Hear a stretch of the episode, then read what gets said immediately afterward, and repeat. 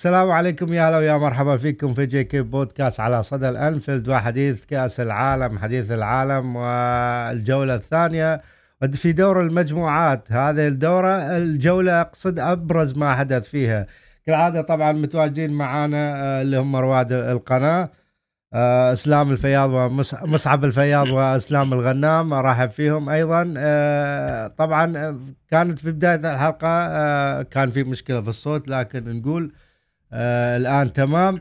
هذه. نحاول نغطي الجولة كاملة طبعا. ما نقدر نغطي كل يوم أربع مباريات. تعرفون ضغط المباريات وانشغالنا فهذا يضع ضغط كبير إنه نطلع لايف إحنا كل بعد كل مباراة أو نعلق على كل مباراة. نحاول نذكر بس فقط أبرز. إن شاء الله من دور ال 16 نحاول نركز أكثر. يكون في يعني تركيز أكثر ممكن كل مباراتين مع بعض أو كل مباراة على حده لكن خلونا نروح على الجولة الثانية من دور المجموعات. وأبرز ما حدث في هذه الجولة هي فوز آه، المغرب وخسارة السعودية. فوز المغرب للأمانة المغرب فريق أثبت إنه فريق قادر كبير تفوق على بلجيكا وقدر إنه يتصدر المجموعة بأداء خيالي. الأبرز ما حدث في هذه المباراة طبعا أنا أحب أناقشه مع آه، الشباب حتى يذكرون هم محضرين النقاط أهم النقاط وأبرز ما حدث في هذه المباراة. حياكم الله ويا أهلا ويا مرحبا فيكم أبو أحمد ويا أسلام. حياك الله أخوي حياك الله أخوي ما دام الحديث ما دام الحديث عن مباراه اسمح لي اسمح لي إسلام اني تحياتي لك تحياتي لك تحياتي إلى أسلام. يعني بسم الله الرحمن الرحيم. الحقيقة فوز مهم جدا جدا للمنتخب المغربي. المنتخب المغربي افتتح المجموعة مالته بتعادل آه، آه، سلبي. آه، وكان النقطة الإيجابية الوحيدة أنه ما أتلقى أي هدف في التعادل كان تعادل سلبي.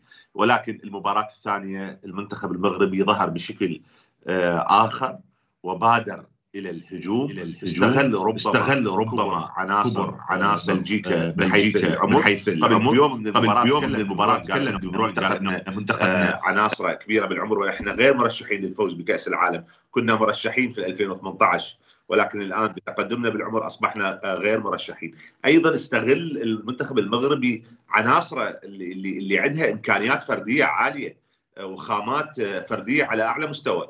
استغل اظهرته الممتازه حكيمي ومزراوي ظهيرين على أعلى مستوى. استغل حكيم زياش اللاعب المتمكن الفنان واللي عنده قدرة كبيرة على الربط ما بين الوسط وخط الهجوم وتمريرات سحرية. وأيضا بوفال البوفال اللاعب المهاري اللي يعني مستواه عالي جدا. آه، قرار المغرب بأنه هم قادرين على الفوز ومجاراه المنتخب البلجيكي. أحدث فارق أحدث فارق كبير آه، في المباراة وخلاه آه، خلى الفريق يعني يتجرأ خلى الفريق يتجرأ على فريق بحجم بلجيكا. بأمانة بلجيكا ما خسرت في دوري المجموعات منذ فترة طويلة. آخر مرة خسرت فيها في دوري المجموعات كانت أمام المنتخب السعودي آه، سنة ال 94 آخر مرة خسرت فيها بلجيكا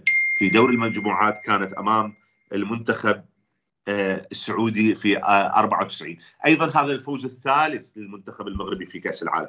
فاز 3-1 على البرتغال سنة 86 بالمناسبة كان البرتغال سنة 86 هو ثاني أوروبا سنة ال 84 في أمم أوروبا. تغلبوا عليه 3-1 ووصلوا إلى دور ال 16 وخسروا في أمام ألمانيا آه، إذا ما تخوني الذاكره 1-0 بضربة ثابتة آه، آه، للألمان. أمام ألمانيا اللي وصل إلى نهائي كأس العالم خسروا بضربة ثابتة. وفوزهم الثاني كان 3-0 على اسكتلندا سنة 98 ونتذكر الملابسات اللي صارت كانت مجموعة المغرب هي عبارة عن المغرب اسكتلندا النرويج البرازيل. ونتذكر الملابسات جيدا فازوا على اسكتلندا ثلاثة. وتعادلوا مع النرويج اثنين كل ولكن النرويج آه، في مباراة يعني أثارت اللغط مع البرازيل آه، تأهلت على حساب آه، المغرب من المجموعة. الفوز هذا كان الثالث. الآن هم بأربع نقاط. الحقيقة فرصهم كبيرة جدا فرصهم كبيرة جدا بتصدر المجموعة مرابط سفيان مرابط لاعب الارتكاز كان أحد نجوم المباراة. يعني هذا اللاعب نوعا ما يقدم أشياء شبيهة أو أدوار شبيهة للأدوار اللي يقدمها بوسكيتش مع إسبانيا. طبعا كرواتيا هي المصدرة بفارق الأهداف عندها أربع نقاط والمغرب عنده أربع نقاط. ولكن المغرب مباراته الأخيرة تكون مع كندا. اللي خرج حرفيا صفر نقاط ما عنده أي فرصة للتأهل. خرج حرفيا رقميا وحرفيا. خرج كندا من المجموعات الأول الآن بلجيكا كرواتيا أربعة مغرب أربعة بفارق الأهداف ثم بلجيكا ثلاثة. بلجيكا راح تواجه منتخب كرواتيا والمغرب عنده يعني زيارة مريحة أو مباراة مريحة إلى كندا، الفريق اللي ما عنده أي يعني ما عنده أي فنيات باستثناء وضعه البدني وطريقته البدنية العالية ومدربه الإنجليزي والطريقة اللي يلعب بها، فرصة فرصة أنه يتصدر المنتخب المجموعة وتصدره للمجموعة قد يخلي طريقة أسهل للوصول إلى دور الثمانية، يعني في دور ال 16 يواجه خصم أسهل ويصعد إلى دور الثمانية، إذا طبعا يعني إذا أمور فنية أكثر حاب يضيفها إسلام على منتخب المغرب يتفضل. إسلام تفضل لك. خلينا نروح على باقي المجموعة ونشوف يعني اللي اللي هدف في دور المجموعات. ونبلش من أول مجموعة مجموعة هولندا. والاكوادور وأيضا آه، السنغال وقطر. طبعا قطر خسرت من آه، الإكوادور وشفنا إنه آه، مستوى الإكوادور واضح إنه أفضل. لاعبهم هذا فانسيا يمكن سجل ثلاث أهداف. قطر ظهرت بمظهر باهت يعني آه، اثبت إنه الفريق غير جاهز للأمانة لبطولة كبيرة مثل هذه. آه، وذكرنا في الحلقة السابقة أسباب آه، اللي أدت إلى هذا الشيء. يعني التركيز على البطولة كان أكثر من التركيز على الفريق أو على المنتخب. لكن الأمانة اللاعبين يحسب على اللاعبين إنهم ما كان عندهم هذيك الروح اللي تظهر ان هم جاهزين لهذه البطولة. نتكلم عن المجموعة آه بشكل عام يا أحمد المجموعة عامة آه، في الوقت الحالي بيتصدرها المنتخب الهولندي بأربع نقاط يليه منتخب الإكوادور بأربع نقاط والسنغال آه، بثلاث نقاط ومنتخب قطر متذيل اللي خسرته الماتشين. منتخب قطر مشكلته يا أحمد إن هو آه، ابتدى آه، المجموعة أو ابتدى المباريات وهو الفريق مش متحضر آه، كويس ذهنيا. بمعنى إن الفريق بدأ إن هو افكار عشان تبدأ إنك تنفذ أفكارك الفنية أو أفكارك التكتيكية مع المدرب بتاعه فيليكس سانشيز لكن مشكلته إنه ما قدرش يحضر ويجهز الفريق. نفسيا وذهنيا لأن أنت بتلعب أول مرة في تاريخ كأس العالم تشارك قطر. ثانيا كمان أنت بتلعب على ملعبك و... ووسط الاحتفال الكبير اللي حصل في بداية انطلاقة المباريات. وشفنا الاهتمام الدولي اللي حصل ببطولة كأس العالم اللي موجودة والافتتاح العظيم اللي عملته قطر. اللعيبة نفسها رجليها ما قدرتش تشيلها في المباراة الأولى قدام الإكوادور وخسر آه، في انطلاقة غريبة جدا بهدفين مقابل لا شيء دون أداء من منتخب قطر خالص. يعني منتخب قطر كان مستسلم بالجيم ما كانش فيه أي أفكار تكتيكية واضحة للمدير الفني القطري. كمان كان منتخب الإكوادور قدر إن هو يفرض أسلوبه على المنتخب القطري بالكرات الثابتة وكان دايما بيفوز بالكرات الثانية فقد المنتخب القطري المباراة آه، الأولى على ملعبه اللي هو الإكوادور. المباراة كانت سهلة إن هو يقدر إن هو يستغل آه، الصخب الجماهيري ويستغل آه، الدفعة في بداية المباراة ويقدر إن هو ينفذ أفكاره كويس ويقدر يطلع بحاجة من المباراة. لكن للأسف المنتخب القطري كان أول منتخب مستضيف في كأس العالم يخسر في انطلاقة المونديال وكان أول خسارة ليه. المباراة الثانية آه، كانت بتجمع ما بين منتخب هولندا آه، ومنتخب السنغال. واستطاع منتخب هولندا إنه يفوز في اللحظات الأخيرة على منتخب السنغال بفضل تألق لاعبه اللي هو آه، لاعب أيندهوفن جاكبو. جاكبو اللي كل الأنظار وكل السكاوتنج عليه الفترة الأخيرة وخصوصا في كأس العالم. بعد الأداء اللي كان مقدمه مع بيس في أيندهوفن لاعب عنده أرقام مميزة جدا ولما شارك مع هولندا قدام السنغال كان ليه دور الحسم في اللحظات الأخيرة وبان قوي على منتخب السنغال التأثر بغياب ساديو ماني اللي هو كان آه، يعتبر مفتاح الفرج لمنتخب السنغال أو هو القائد الفعلي والحركي وكل حاجة. لمنتخب السنغال. غيابه أثر كتير على منتخب السنغال. منتخب هولندا لسه ما وصلش للفورمة اللي أنت ممكن تحطه من ضمن الفرق اللي تقول إن هي هتنافس على اللقب أو يكون لها حظوظ في الوصول بعيدا في البطولة. لأن المنتخب لسه يعني عنده في لحظات ضعف كتير في الفريق وبانت أكتر مع منتخب الإكوادور في المباراة الثانية لمنتخب هولندا. وكاد الإكوادور إن هو يفوز على منتخب هولندا ولكن المباراة انتهت بالتعادل. فمنتخب هولندا عنده المباراة الأخيرة قدام منتخب قطر. منتخب قطر خلاص يعني يمكن دلوقتي يكون الضغوطات اتشالت مع اللعيبة واللعيبة تظهر ولو بشكل مشرف ولو لمباراة وحيدة قدام منتخب هولندا. وهيبقى ماتش هيبقى المنتخب هولندا ماتش حياه أو موت لأن محتاج يتصدر المجموعة. منتخب السنغال والاكوادور هو لعب أو ماتش الصعود ماتش الصعود بالنسبة لمنتخب السنغال والإكوادور لأن الإكوادور بعد فوزها على منتخب قطر في الافتتاح وتعادلها مع منتخب هولندا أربع نقاط. أي مكسب بيؤهلها مباشرة للصعود أول المجموعة. منتخب السنغال لا بديل عن الفوز قدام منتخب الإكوادور ان طبعا خسارته ال game الأولاني قدام منتخب هولندا أثر على حظوظه شوية. مباراة هتبقى صعبة على الفريقين منتخب السنغال منتخب منظم وعلى فكرة من المنتخبات المشرفة لأفريقيا منتخب السنغال ومنتخب غانا اللي هنتطرق له بعد كده. فمنتخب السنغال بدأ إن هو يتجاوز حتة غياب ساديو ماني في المباراة الأولى لأن الفريق كان متأثر جدا بغياب ساديو ماني. في المباراة الثانية قدام منتخب قطر لأ كان في أكثر من لاعب بدأ إن هم يبرزوا مع منتخب السنغال. منتخب السنغال عنده مباراة قوية منتخب الاكوادور منتخب منظم عنده انر فالنسيا المهاجم اللي يمكن هو يعني دلوقتي هداف المونديال بثلاث أهداف أحرز هدفين في منتخب قطر والهدف في منتخب هولندا. فمنتخب إكوادور منتخب صعب ومنتخب منظم وهيقدر إن هو يضر منتخب السنغال وهيبقى ال game ده هو game الصعود مع فريق هولندا اللي ممكن يكون مباراته سهلة نسبيا قدام المنتخب القطري. فأنت بتتكلم على هولندا صاعده وماتش ال game اللي بين الاكوادور ومنتخب السنغال هيحدد الصاعد الثاني إن شاء الله. يعطيك العافية أسلام. روح على ال على ال على ال المجموعة ال B وهي إنجلترا إيران أمريكا ويلز. إنجلترا أمام ويلز يعني كنا بعد الفوز الأول طبعا إحنا قلنا أغلب الدو الجولة الأولى بصراحة النتائج اللي كانت ظهرت فيها الفرق ما تبين لك يعني مستوى الفرق الصحيح أو الحقيقي.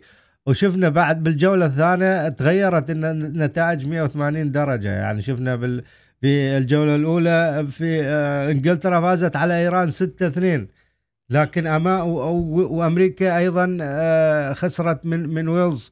ف تعادلت مع ويلز عفوا. ولكن شفنا إنه إنجلترا قدام ويلز ظهرت بمنظر آخر. هذا إنجلترا بهذا الفريق المدجج بالنجوم والأسماء الصغيرة اللي كنا نتوقع إنه يكون أداء من عنده أكثر من هذا يكون في يعني ويلز ما عنده هذيك الأسماء يعني فقط جارث بيل يعني كنا نتوقع ان المباراة تكون يعني أكثر من 75% تكون تصب في صالح إنجلترا لكن ظهرت بأداء للأمانة باهت. أيضا على الصعيد الآخر إيران قدمت أداء بطولي للدقائق بالوقت الإضافي قدرت إنه تسجل هدفين وتصير ثاني المجموعة بعد إنجلترا وتحقق ثلاث نقاط رأيك على على إنجلترا أبو أحمد وبعدها على إيران؟ يعني بالنسبة للجولة الثانية في مجموعة المجموعة بي مجموعة إنجلترا إحنا شفنا في الجولة الأولى إنجلترا فازت 6 2 فوز كبير على إيران والويلز وأمريكا تعادلوا واحد كل في مباراة مثيرة كلا الفريقين. يعني قدموا مباراة بدنية على أعلى مستوى وشفنا معدلات جري جدا عالية ما بين أمريكا وويلز توقعنا في يعني في الجولة الثانية راح تكون أيضا المباراة ويلز راح تكون كبيرة أمام إيران وأيضا إنجلترا ممكن قادرة على إحداث ضرر بالنسبة لأمريكا. المباراة الأولى كانت ما بين يمكن كانت المباراة الأولى ما بين ويلز وإيران. لا ويلز ما قدمت شيء وإيران بالمناسبة لاعبيها استعادت لاعبيها الأساسيين. كان أكو هناك بعض الخلافات وبعض اللاعبين الأساسيين ما لعبوا بالمباراة الأولى بسبب الأجواء المحيطة بمعسكر المنتخب الإيراني والمظاهرات اللي صايرة الآن في إيران. هناك أكو خلاف واستقطابات داخل معسكر المنتخب والحقيقة لاعبي المنتخب يعني مصطفين أو متضامنين مع شعبهم. وما شفنا بعض اللاعبين مثل سردار أزمون مثلا ما بدا أساسي أمام إنجلترا ولاعبين آخرين في خط الوسط. كل هذول اللاعبين نزلوا شفنا تشكيلة مغايرة لإيران أمام ويلز. وأيضا ويلز بطريقة لعبه المعهودة تعتمد على القدرات البدنية وامكانياتها الفنية الحقيقة قليلة. كان منعطف المباراة هو حالة الطرد لحارس مرمى ويلز. ثم كملت ويلز بعشرة لاعبين. استطاع إيران أن يسجل الهدف الأول ويضيف الهدف الثاني ويخرج بفوز كبير بأمانة. فوز كبير بأمانة للمنتخب الإيراني يعكس يعكس جودة لاعبين مثل سردار أزمون يعكس جودة لاعبين مثل طاربي مهاجم بورتو وعدد آخر من اللاعبين المتواجدين في المنتخب الإيراني. وأيضا يعكس جودة كروش اللي الحقيقة كثير من الصحفيين البريطانيين تحديدا من المملكة المتحدة يعني ضايقوه وتنمروا عليه بالأسئلة. وكان فوز كبير لمنتخب آسيوي. في المجموعة.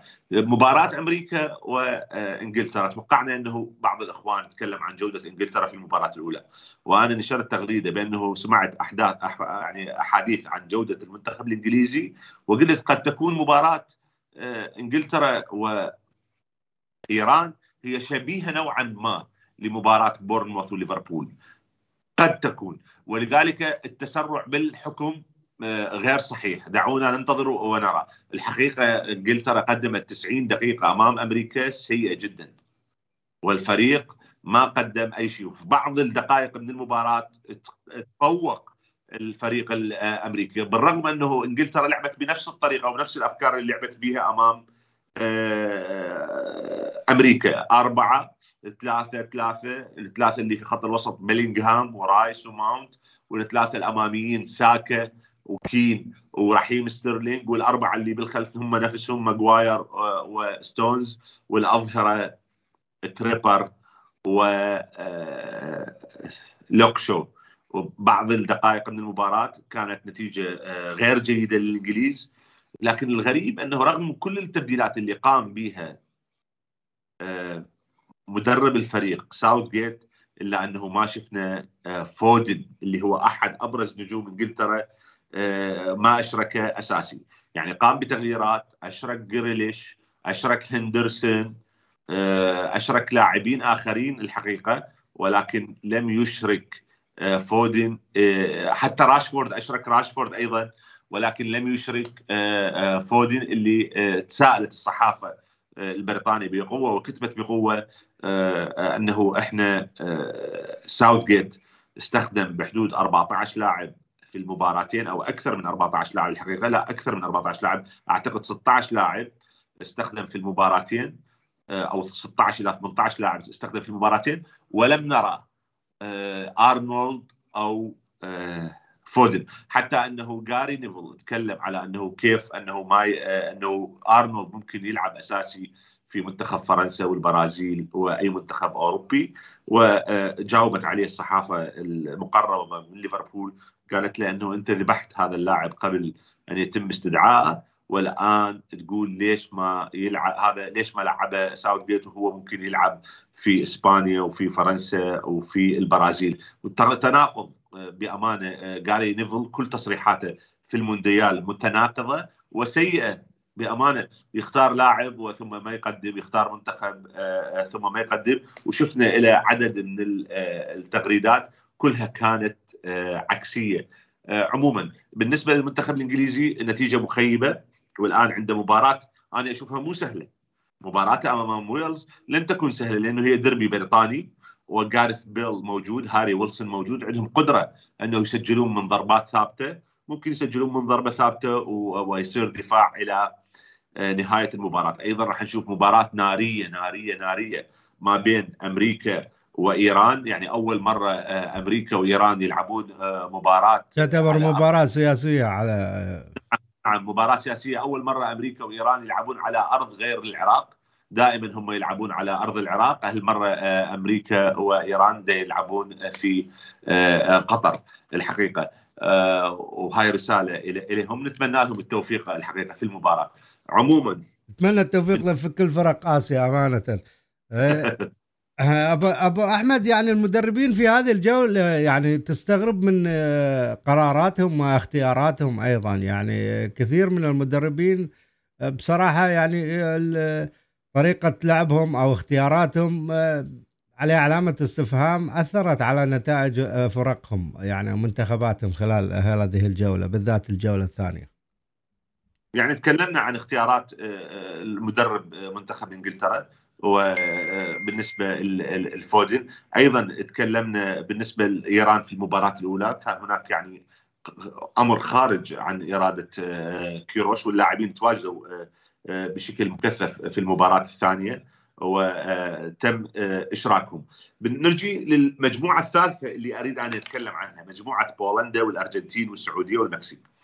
الحقيقة المباراة الأولى كانت ما بين الأرجنتين والسعودية شفنا الفوز وتكلمنا عليه الفوز الكبير للمنتخب السعودي والمستحق مو فقط فوز كبير وإنما فوز كبير والمستحق أعتقد أنه الانعطافه في نتيجة مباراة بولندا والسعودية اللي هي المباراة الثانية في المجموعة كانت بسبب واحدة من أسبابها كانت تسريب أو مو تسريب هو الاتحاد السعودي هو اللي نشر الفيديو الخاص آه، بالمدرب آه، الفرنسي مدرب المنتخب السعودي.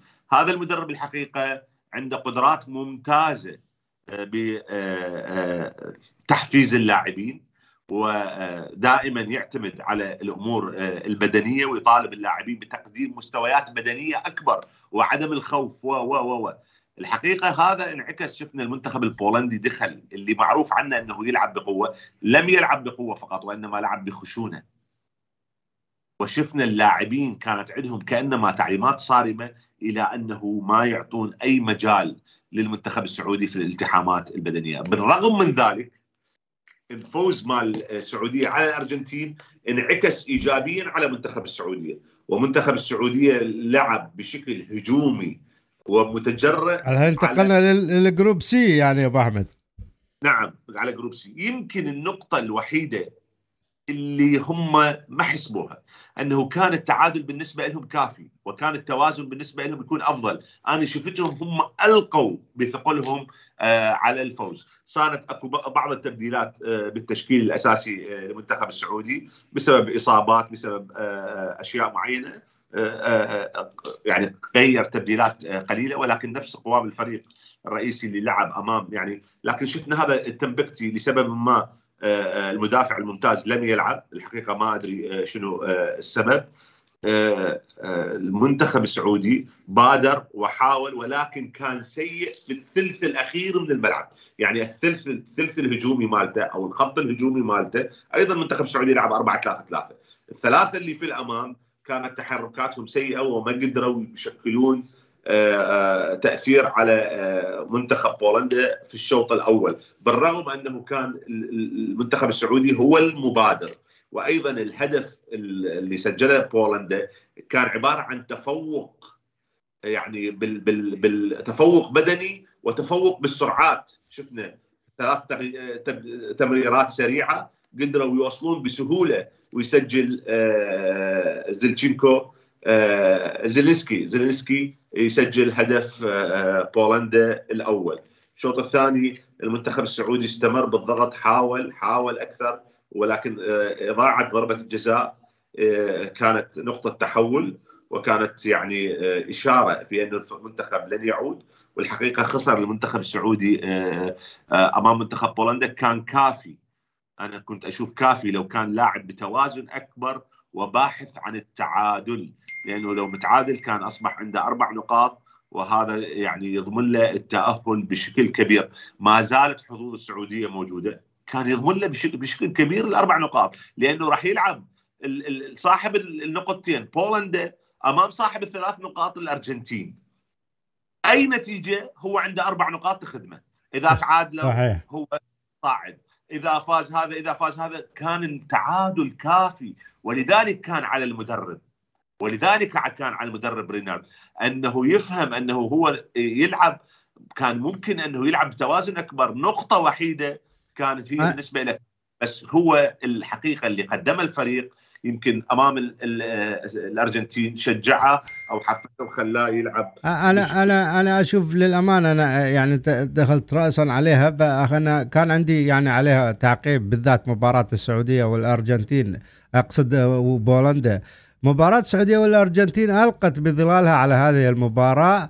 آه، دخلوا الحماس الزائد عند لاعبين السعودية آه، والمدرب أيضا أنا أشوفه هو كان آه، مؤثر بنوعا ما يعني كان إنه المفروض مثل ما قلت أبو أحمد إنه يعني يكتفي بإنه هو يحاول إنه يحصل على نقطة فقط من هذه المباراة. نعرف إنه إن إحنا والدليل على ذلك إحنا أنت شوف أنت لعبت ذهبت إلى تم استدراجك من قبل المنتخب البولندي إلى هذا آه، السيناريو وفعلا وحصل مثل ما هم يردون المنتخب البولندي من خلال آه، إذا إسلام معاي تتذكر آه، تصريحات مدرب بولندا وأيضا تصريحات اللاعبين. لما قال أحنا قادرين نحن نتجاوزهم وكان فوز السعودية هو مجرد حظ لا أكثر. فهذه التصريحات هي استدرجت لاعبين آه، السعودية واستدرجت المدرب بأنهم يكون مهاجمين. الفريق البولندي طوال القامة لاعبين بدنيين. نعرف إحنا طريقة اللعب الأوروبي عكس اللعب يعني أمريكا اللاتينية وهذه الفرق. فأنت لما تدخل وأنت ضاغط من الدقيقة الأولى كان بإمكانك تضغط لمدة 20 دقيقة وتحاول إنه تخطف هدف بعدها تتراجع أو تحاول إنه تلعب آه، بشكل معتدل تعطي الكرة للفريق البولندي. الفريق البولندي ما عنده مشكلة سلمك الكرة وخلاك أنت يعني تبادر ولعب على الكرات الطولية آه، بخلف خلف آه، المدافعين وحدث من عندها. أيضا الجول الثاني هي وهو خطأ دفاعي. شوف لعب على الأخطاء على يعني التركيز قل لما تكون انت ضاغط آه، بشكل كبير وتحاول انه يعني تاخذ هدف آه، التركيز يكون يعني أقل هده مثل ما شفنا في المباراة الأولى.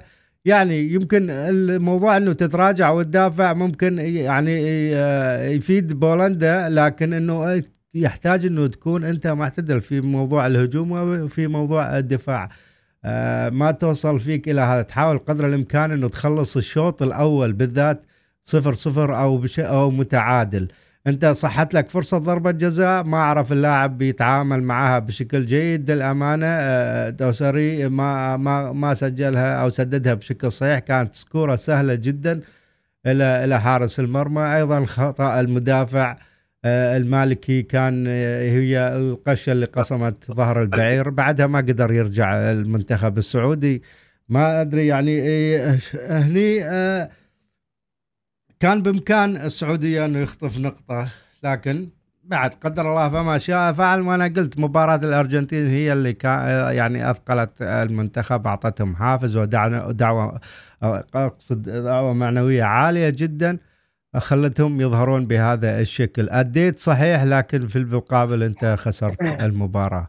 آه، أسلام مباراة الأرجنتين والمكسيك. قبل ما تعدي على منتخب السعودية بس هقول حاجة بس. أنت فضل. أكتر واحد أدرى بأسلوب لعبه وبحالة الفنية والبدنية اللي لعبته هو هيرفي رينارد بالمنتخب السعودي. بمعنى أنت بدأت منتخب مباراة منتخب بولندا والدنيا مختلفة تماما. أنت لسه كاسب منتخب الأرجنتين عندك حالة ذهنية وحاله فنية رائعة للاعبين لكن مع اختلاف غياب بعض اللاعبين المهمين غياب ياسر الشهراني من ناحية الشمال آه، يعني له الشفاء العاجل غيابه عن آه، منطقة الظهير الأيسر للمنتخب السعودي كان مؤثر جدا. غياب سلمان الفرج اللاعب اللي كان بيلعب بين الخطوط والقادر على قيادة وسط ملعب المنتخب السعودي برضه أثر على الفريق مع منتخب زي آه، آه، المنتخب البولندي. أنت ما تقدرش تلعب بأحسن من كده كأسلوب. بمعنى أنت عارف نفسك أنت جيد في جيد في آه، اللعب الريتم السريع إنك تلعبهم وتضغط وتضغط على المنتخب البولندي في المناطق بتاعته لأنك أنت عشان المنتخب السعودي من مميزاته إنه يطلع بالكرة؟ لأ وشفنا الكلام ده في, الكرة مع عبد الإله المالكي والخطأ اللي حصل بسبب إن المنتخب السعودي ما عندوش الملكة أو ما عندوش أفكار البناء من أو اللعيبة ما عندهاش القدرات الفنية في الخروج بالكرة من منطقة المنتخب السعودي والتدرج بها وده وعطوا فرصة للمنتخب البولندي إنه يضغط علينا في مناطق في المناطق بتاعتنا سواء كان بوجود ليفاندوفسكي أو أو ميلك كانوا هيضرونا أكتر من كده. فأنت كان لازم إنك يبقى عندك استغلال الحالة الفنية والذهنية اللي أنت كنت فيها وتضغط على المنتخب البولندي. على فكرة منتخب بولندا أحرز هدف آه، تقدم وأنت في عز ضغطك وفي عز امتلاكك للكره هجمة مرتدة كره طويلة. عشان كده إحنا قلنا الخطأ الوحيد اللي من وجهة نظري اللي عمله هيرفي رينارد هو إجلاس التمبكتي على دكة البدلاء لأن كان عامل آه، ثنائية آه، قوية جدا في خط الدفاع. وإنك تتخلى عنه بعد المباراة الممتازة اللي قدمها في الأرجنتين وتلعب بالعمري فكانت مشكلة كبيرة للمنتخب السعودي. لكن عموما أنت آه، حتى جات لك فرصة التعويض في نهاية الشوط الأول بضربة الجزاء ولم يصادف الحظ مع سالم الدوسري اللي, اللي تأثر بتضييعه لضربة الجزاء. وابتعد تماما عن المباراة وخرج تماما بره الجيم مع إنه هو لاعب كبير المفروض الحاجات دي مرت عليه كتير قبل كده وإن أي لاعب بيضيع. لكن للأسف سالم الدوسري بعد آه، ما ضيع ركلة الجزاء خرج بره ال game تماما. في الشوط الثاني حاول المنتخب السعودي استدراك الأمور وعمل تغييراته لما نزل نواف العابد ونواف العابد حاول إن هو ياخد الفريق.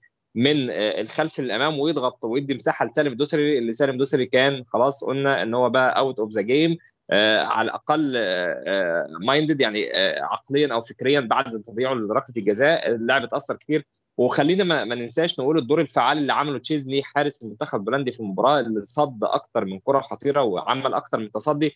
المنتخب السعودي كان أداؤه متميز قدام بولندا. آه الهدف الأول جاء آه يعني يعتبر آه عكس التيار تماما. الهدف الثاني جاء من خطأ في الدقائق الأخيرة يعني قد يكون يعني بسبب ضغط المباريات بسبب آه، كمان آه، يعني اللعيبة بدأت تفقد الأمل في الدقائق الأخيرة في في التعويض فده كان حمل كبير على المنتخب السعودي.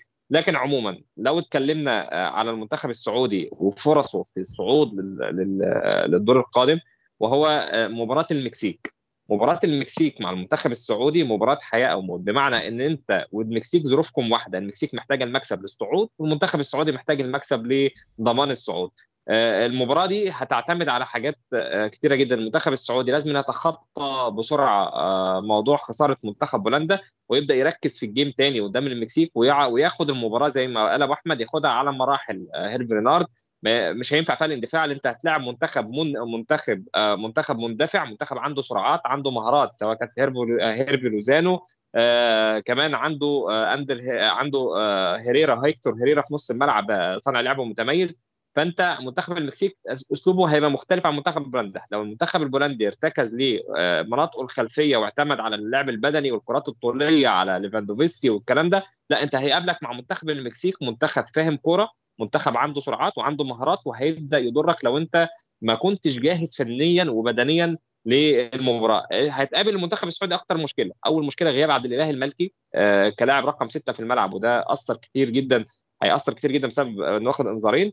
غياب ياسر الشهراني اللي هو حاول يعوضه المباراة اللي فاتت آه من ناحية الشمال آه أثر كتير وحاول إن هو يلعب ب آه باسمه آه، لاعب بحاول يحاول البريك البريك حاول يلعبه كظهير أيسر البريك ولكن ما قدمش المستوى اللي كان مطلوب عشان كده نزل سلطان الغانم في الشوط الثاني سلطان الغنام.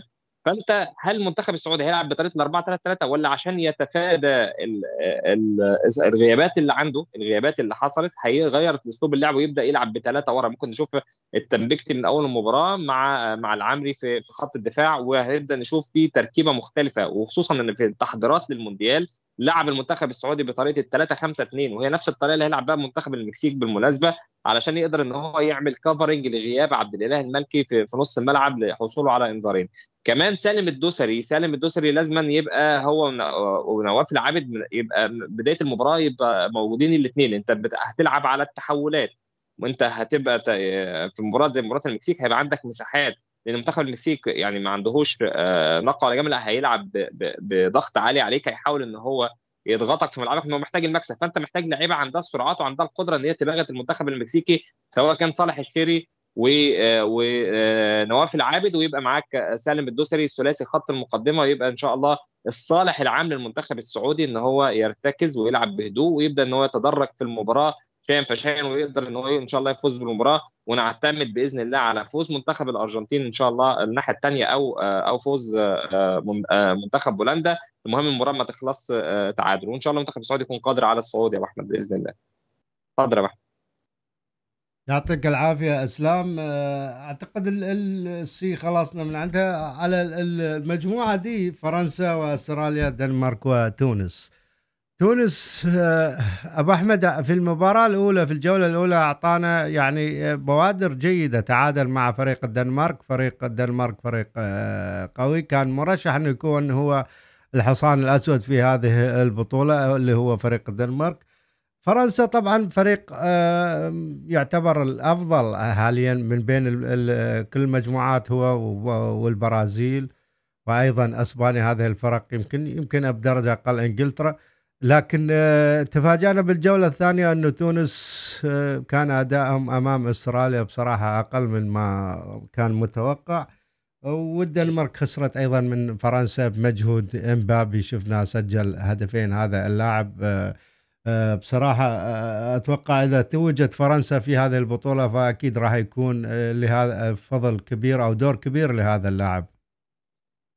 يعني فرنسا أبو أحمد أنا أعتقد أنه بعد الجولة الثانية من الكأس العالم فرنسا والبرتغال البرتغال يمكن بنسبة أقل لكن فرنسا والبرتغال أرسلوا إشارات بأنهم هم فرق آه، يعني قوية ولكن البرتغال بنسبة أقل. أه على الأقل من حيث العناصر يعني حتى يمكن واحد يقول لي أنه آه، ما واجهوا أحد. على الأقل من حيث العناصر يعني منتخب البرتغال عنده عناصر حتى على الدكة. فرنسا اللي واجه انسحابات كثيرة قبل البطولة بسبب الإصابة. انسحاب بنزيما انسحاب انكونكو وانسحاب آه، لاعب ثالث أعتقد. يعني أكثر من لاعب غادر آه، قبل البطولة ولكن آه، منتخب فرنسا شفناه في المباراة الأولى والثانية. يعني فوز بالراحة مثل ما يقولون آه، آه، فوز آه، سهل جدا بالإضافة إلى أنه الفريق يمتلك بعض العناصر الممتازة. يعني كوناتي لاعب ممتاز امبابي لاعب super super ويمكن من أفضل اللاعبين اللي في البطولة أول مباراتين. وأيضا تشاوميني لاعب خط الوسط. وعدد آه، من اللاعبين المتواجدين آه، آه، في منتخب فرنسا. فرنسا استطاع في أول مباراتين أن يعني ينتصر وبسكور يعني مو فقط بهدف واحد هدف يتيم وإنما سجل أهداف عديدة. بالنسبة لتونس تونس نفس القصة نفس القصة مال تونس كل سنة. يعني الفريق يدخل محاولا أنه يتجنب هزيمة. فممكن يطلع بتعادل ممكن يخطف تعادل هنا أو يخطف تعادل هناك. دائما في كأس العالم تونس يدخل المباراة دائما تونس يدخل المباراة محاولا تجنب الهزيمة. فيخطف بعض الأحيان يخطف تعادل. شفنا خطف تعادل أمام الدنمارك ومنتخب الدنمارك منتخب ممتاز في أمم أوروبا قبل سنة وصل نصف النهائي. ولكن بعدها أمام أستراليا اللي هو الحقيقة آه، آه، فريق آه، ضعيف واستقبل آه، عدد من الأهداف أمام فرنسا يعني خسر المباراة. بأمانة ما عندي شيء كثير اتكلم عن تونس لاني ما شاهدت المباراه الثانية لهم ولذلك راح يمكن إسلام هو اللي يتكلم عن تونس أكثر من عندي.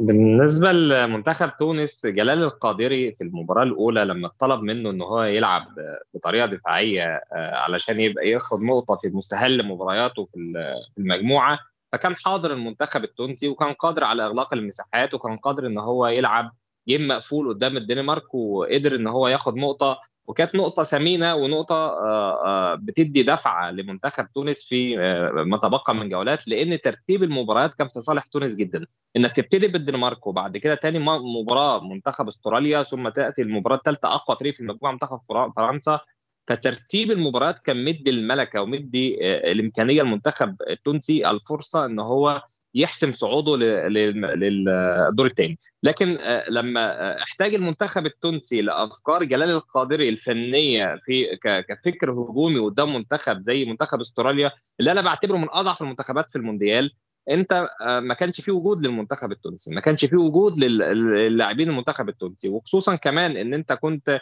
بتلعب بتحفظ. طب أنت ال game ده أنت المفروض تلعب بيه ب game استباقي تلعب فيه ب game إن أنت عايز تكسب إنك أنت تأدي آه، أداء أفضل من اللي قدمته قدام منتخب الدنمارك إنك تقدم وتبين المواهب الهجومية اللي عندك. لكن انت ما عملتش كده. انت اعتمدت على آه، كرات طولية آه، فقط آه، منتخب استراليا بغتك بهدف بدري وقدر ان هو يقفل عليك الجيم وقدر ان هو يتحكم تحكم كامل في المباراة. ما شفناش خطورة للمنتخب التونسي إلا على فترات من يوسف المساكني. كمان يعني التغييرات كان عليها علامات استفهام كتير لجلال القادري في المباراة بتاعت استراليا إن هو أهم اللعيبه عنده معادها على الدكة سواء كان اللاعب هداف المنتخب التونسي أبو أحمد في المونديال كان معاده بره ونزله في منتخب الشوط الثاني وهب الخزري في نهاية في الدقيقة حاجة و70 أنت يعني محتاج لاعب هجومي فالمفروض كنت تبتدي بيه أو إنك تدي له مساحة أكبر في المباراة. فالمنتخب التونسي ضيع من ايديه فرصة ذهبية بعد تعادل الدنمارك وإنك أنت كنت تقدر تاخد ثلاث نقط بتوع أستراليا كان حل عندك بقى أربع نقاط مهمة. كانت هتخليك تضع قدما في آه، الدور الثاني للأسف آه، صعب المجموعة على نفسه وخصوصا بعد فوز آه، منتخب فرنسا. فأنت منتخب فرنسا حسم الصعود بالست نقط. منتخب تونس محتاج معجزة إلهية إنك تكسب فرق اثنين على منتخب فرنسا بقوة المنتخب الفرنسي. وكمان مباراة الدنمارك وأستراليا يحصل فيها تعادل أو الدنمارك يفوز على المنتخب أو يحصل يحصل تعادل عشان يصعد المنتخب التونسي لأن الدنمارك عندها عندها نقطة ولو كسب منتخب الدنمارك والمنتخب التونسي محتاج إن يفوز آه، فرق نقطتين آه، فرق هدفين على المنتخب الفرنسي لكن لو فاز المنتخب الأسترالي يبقى حسم صعوده مع آه، المنتخب الفرنسي. اتفضل يا شكرا لك حبيبنا اسلام هذا بالنسبة للمجموعة دي ونأخذ المجموعة اي اللي هي تضم أسبانيا واليابان كوستاريكا وألمانيا.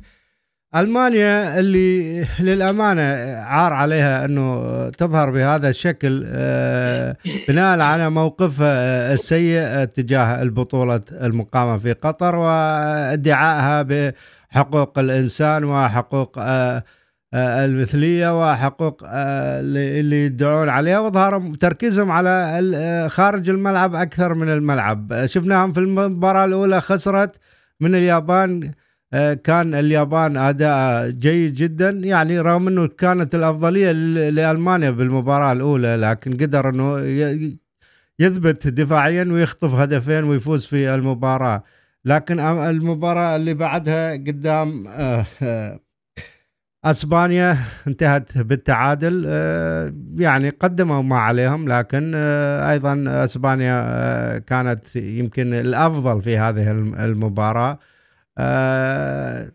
يستحقون نقطة فقط من هذه المباراة. لكن السؤال اللي يعني أو علامة الاستفهام على أداء اليابان أنت فزت فزت على ألمانيا وتجي على قدام كوستاريكا وتخسر. ف آه، ما أدري يعني اليابان كان المفروض أنه تستغل هذه الفرصة وتاخذ انتصار أو أقل شيء تحقق نقطة يعني من هذا من هذه المباراة حتى يعني تضمن أقلها يعني في مباراتها الأخيرة ممكن إنه تحقق شيء.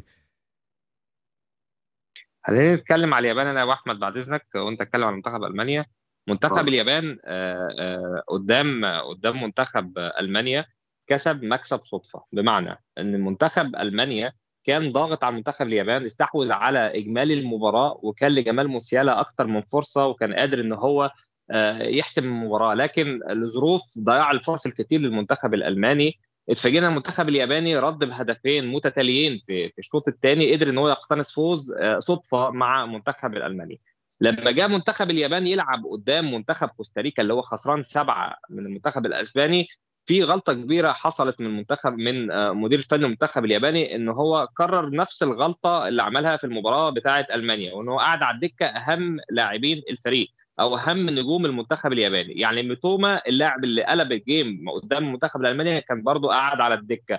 كوبو اللاعب الياباني اللي كان ليه تجربة مع ريال مدريد وبرشلونة واللاعب المتألق في الدوري الأسباني كان على الدكة. تومياسو ظهير أرسنال برضه كان قاعد على الدكة. مينامينو لاعب ليفربول السابق واللاعب موناكو من اللاعبين الأبرز في المنتخب كان قاعد على الدكة. دوان وأسانو برضه نفس الكلام كانوا قاعدين على الدكة. فهو ضيع على نفسه شوط كامل أو 45 دقيقة قدام كوستاريكا وفي وفي الشوط الثاني حاول يستنجد بيهم علشان يرجع أو يعود أو يقدر إن هو يقتنص الثلاث نقط قدام كوستاريكا. لكن للأسف الوقت ما ما ما كانش في صالحه والتسديدة الوحيدة لمنتخب كوستاريكا قدام اليابان وخصوصا الشوط الثاني التسديدة الوحيدة ممكن تكون لمنتخب كوستاريكا في المونديال كله كانت هدف في مرمى منتخب اليابان.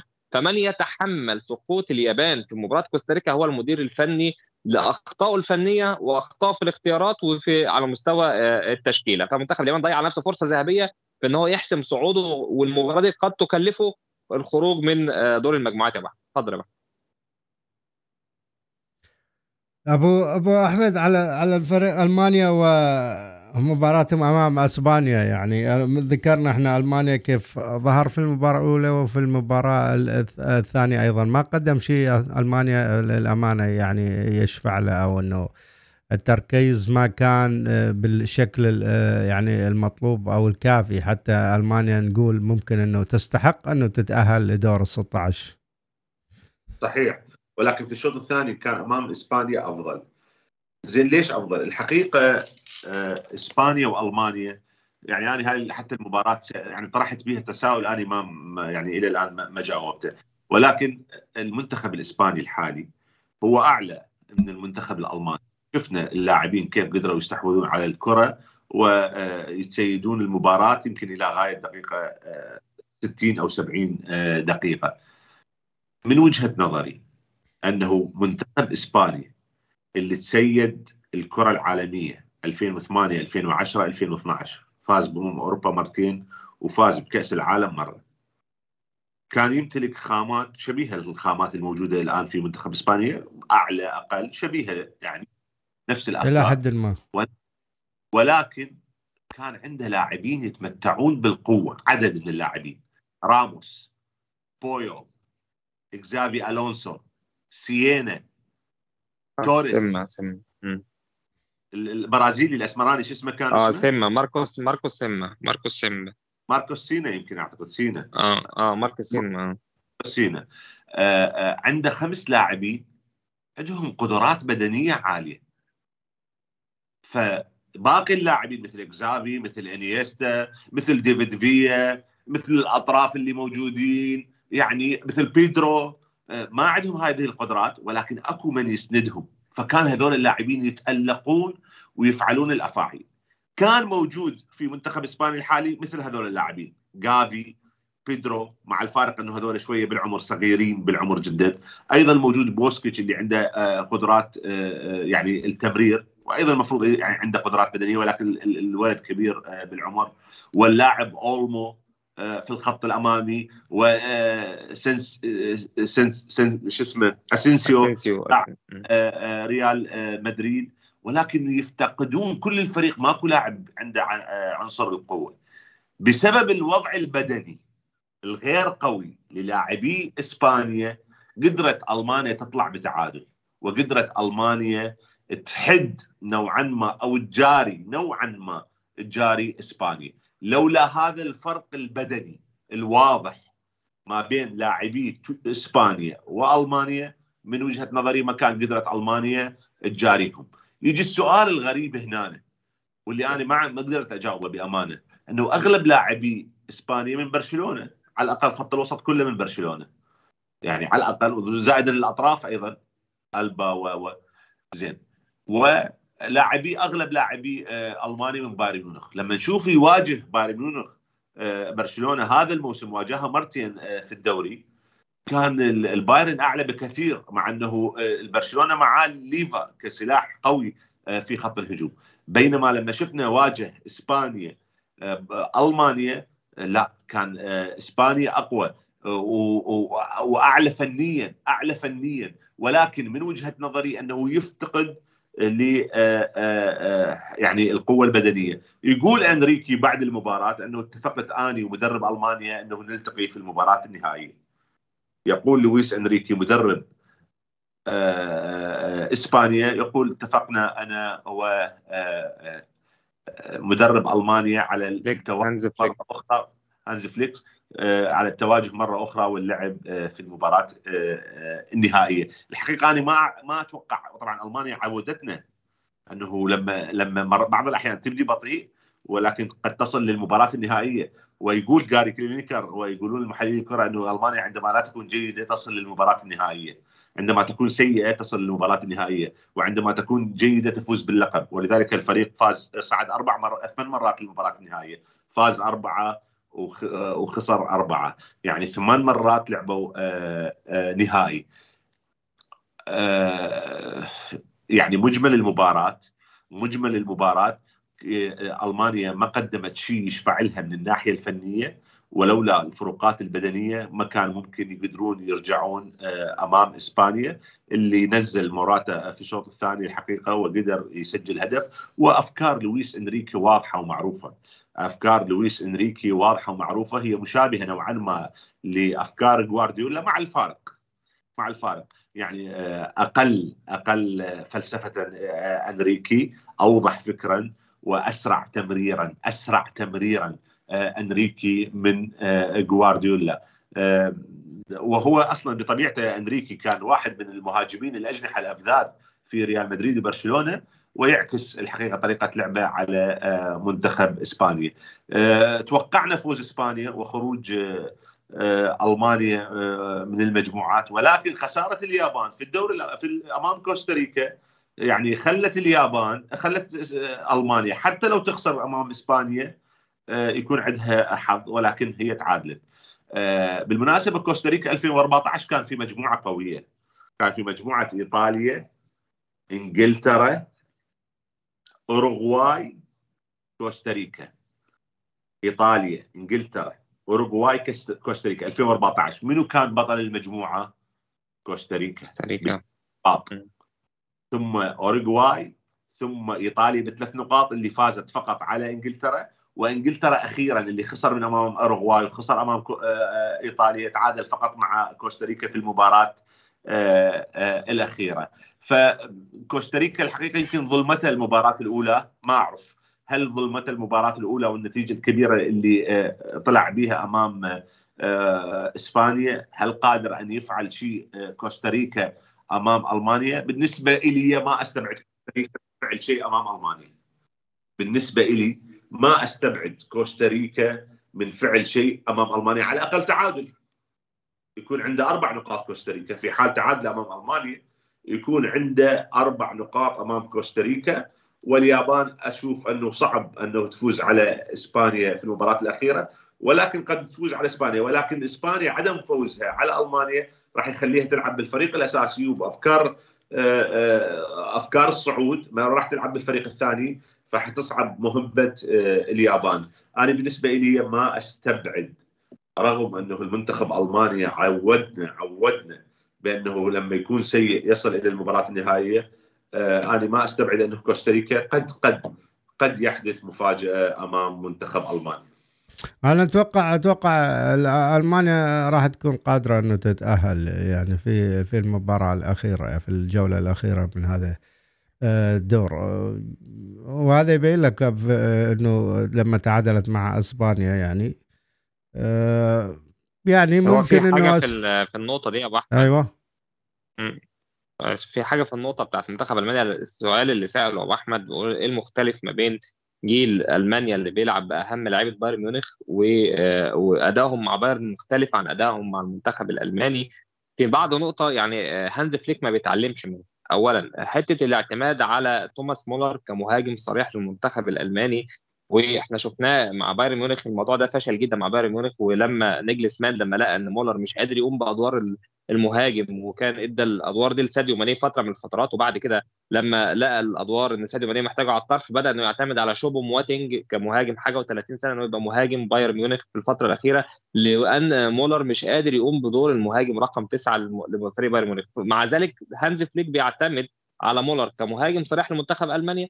وفي نفس الوقت محجم الادوار بتاع جمال موسيالا. جمال موسيالا واخد حريته أكتر في بايرن ميونخ سواء لاعب لاعب تكتيكي متحرر في بايرن ميونخ. لاعب بتلاقيه على الرواق الايمن اوقات وبتلاقيه في في المهاجم الوهمي اوقات مع بايرن ميونخ. مع منتخب ألمانيا بيديله ادوار أو ادوار تكتيكيه خنقه الولد ومش مخلياه يبدع مع المنتخب الألماني. وخصوصا منتخب ألمانيا لما نزل بعد لما حرر أفكاره شوية ونزل ليروي سانيه في الشوط الثاني وبدأ ينزل مهاجم صريح مهاجم آه، فولفسبورج شفنا التحول اللي حصل مع المنتخب الألماني وقدر إن هو يتعادل وكان قريب إنه يكسب منتخب أسبانيا في أواخر المباراة. فهي الفكرة تحرر أفكار بس عند هانز فليك. هنبدا نشوف شكل مغاير للمنتخب اللي أنا دايما بسميه منتخب السبع ارواح اللي هو منتخب ألمانيا اللي هو في ثواني ممكن تلاقيه بيرجع في المباراه في ال game وثواني بيرجع في البطولة ممكن تلاقيه بطل البطولة في النهايه اتفضل يا يعطيك العافية. أنا هذا هذا ال group أو ال F اللي هو group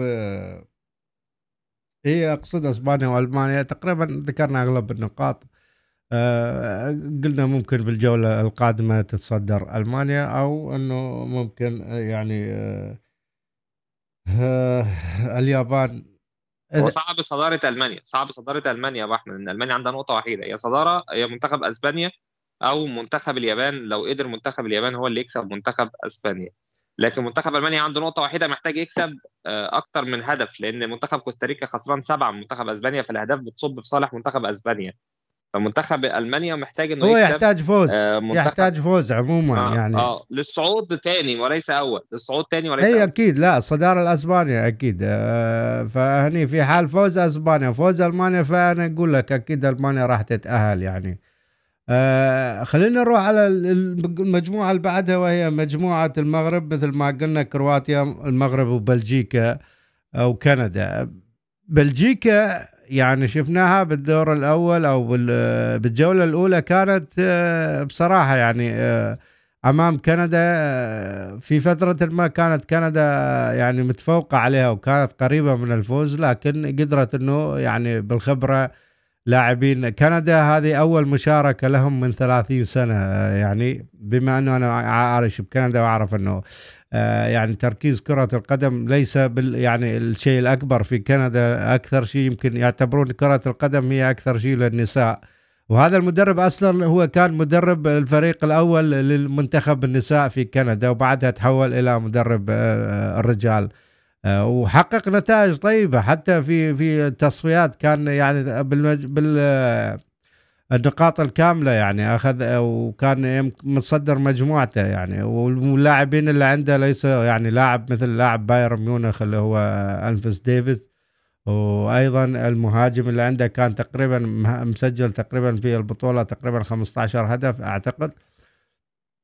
لكن آه كمشاركة أولى لهم من 30 سنة آه وقدموا أداء جيد جدا أمام بلجيكا وأظهرت أظهروا وأحرجوا بلجيكا للأمانة لكن قدرت تفوز بلجيكا. وهنا يجي قدام المغرب بلجيكا كيف ظهرت؟ كيف إنه المغرب قدر يحجم أو قدر إنه ما يستقبل هدف ويثبت طول آه، يعني ال 90 دقيقة وفي الدقائق الأخيرة قدر يحسم المباراة ويسجل هدفين. بلجيكا ما أدت يعني ما قدمت الشيء اللي يعطيها أحقية آه، الفوز على أو يعطيها إنه تكون مستحقة الفوز أو تحصل على نقطة أمام المغرب، المغرب أداء بطولي آه، شباك نظيفة خلال الجولتين الأولى والثانية وهذا شيء يحسب لهم أمام آه، تعادلوا مع كندا وأيضا فوز على بلجيكا. وشفنا إحنا حاليا تعادل أقصد مع كرواتيا وفوز على كندا. الآن على بلجيكا. الآن أمام المغرب مباراة كندا. كندا تقريبا شبه خرجت. خسرت مباراة تعادلت مباراة. خسرت مباراتين عفوا. خسرت مباراتين وما عندها يعني. حتى وإن فازت ما راح راح يعني. كل الفرق الأول والثاني عندهم أربع نقاط. اللي هم كرواتيا كرواتيا قدرت إنه تفوز على كندا أيضا وعندها فوز وعندها تعادل مع المغرب. هذه المجموعة من تشوف يعني ممكن قادر إنه يتصدر وممكن إنه يعني يكون. أنا أشوف من المغرب إنه قادرة إنه تتصدر على هذه المجموعة للأمانة. يعني بما إنه عندها مباراة أس أسهل يمكن في حال فوز بلجيكا آه أو إنه آه، أو فوز كرواتيا راح تكون مباراة صعبة. في حال تعادل الفريقين فأكيد وفوز المغرب المغرب راح تكون هي المتصدر. أو حتى تعادلها يمكن.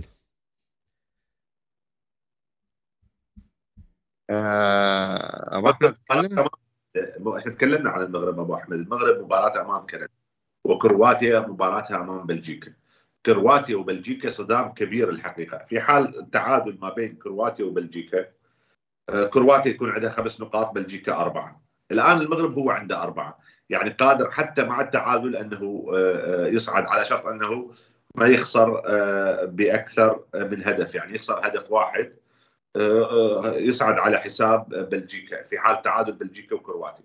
في حال فوز بلجيكا على كرواتيا آه، بهدفين مثلا آه، ممكن المغرب أيضا يصعد. طبعا أكيد إذا تعادل صعد. يعني حظوظ المغرب أكبر حظوظ أك أك أكثر من باقي الفرق يعني. ولكن نريد من المغرب أنه يحتل المركز الأول. إحنا نريد من المغرب يحتل المركز الأول لأنه احتلاله للمركز الأول قد يخلي الطريق امامه أسهل إلى دور الثمانية. أنا أنا أشوفه قادر. ليش؟ اولا آه يعني الدوافع عند المنتخب الكندي أقل. يعني محتاج فقط انه يقدم أداء مشرف. آه لكن المغرب آه الدوافع عنده أكبر. آه الأسماء اللي عنده أيضا قادرة. شفنا إحنا آه، زياش قدم أداء جميل جدا. رغم إنه أيضا الحارس آه، ياسين بونو آه، يعني يعني صراحة عن انزعاجه من بعض ما أدري مشاكل أو شيء حدث بنوع من الصداع يمكن وتغيب عن هذه المباراة. حتى البديل كان يعني واقف على رجليه أدى أداء جيد. الأسماء اللي عند المغرب قادرة إنه مثلا يخطف الفوز أمام كندا. آه، اللي محتاجين الفوز هم بلجيكا أو كرواتيا. من منهم؟ في حاجة يا أبو أحمد بالنسبة لبلجيكا. بلجيكا أعتقد إن هي رسميا فقدت فرصتها في الصعود لأن أنت بتتكلم على آه، فريق آه، محتاج إنه يكسب score على منتخب كرواتيا لا يقل عن ثلاث أهداف لأن بعد فوز كرواتيا على منتخب كندا أربع أهداف. يعني كرواتيا كده بقت plus ثلاثة منتخب بلجيكا تلقى هدفين من المنتخب المغربي يعني ماينس واحد بالنسبة له. فانت بتتكلم انت محتاج انك تكسب فارق هدفين أو فارق ثلاثة على منتخب كرواتيا أو تعثر المنتخب المغربي بفارق هدفين قدام منتخب كندا. ده علشان آه، قصدك عشان تصدر. هو ما يحتاج يعني يتأهل بس يحتاج التأهل. مش صدارة الاهداف ما هو عنده عنده ما منتخب كرواتيا أربع أهداف. منتخب كرواتيا حاليا أربع أربع نقاط مع ثلاث آه أهداف. كرواتيا أربع نقاط. ثلاث أهداف. بلجيكا ثلاث نقاط. بلجيكا تفوز على كرواتيا خلاص. ست نقاط. صحيح. عوف آه الأهداف. صحيح. عوف الأهداف. تمام تمام تمام تمام تمام. آه هي بس الفكرة إن المنتخب المغربي آه يستعيد ياسين بونو لحراسة المرمى وإن شاء الله يكون ليه الدور في في وجوده في دور ال 16 لأن ياسين بونو بيعمل اتزان للمنتخب المغربي وخصوصا وخصوصا على الدفاع مع وجود خبرة رومان سايس ونايف أكرد لاعب شاب رائع في خط الدفاع وسفيان المرابط اللي اتكلم عليه أبو أحمد وعدد المزايا بتاعته في نص ملعب منتخب المغرب. لا المغرب ما شاء الله يعني أغلب نجومه في يلعبون في أوروبا يعني في الدوري الإنجليزي والأسباني ثلاث أربع خمس أسماء تقريبا أو أكثر.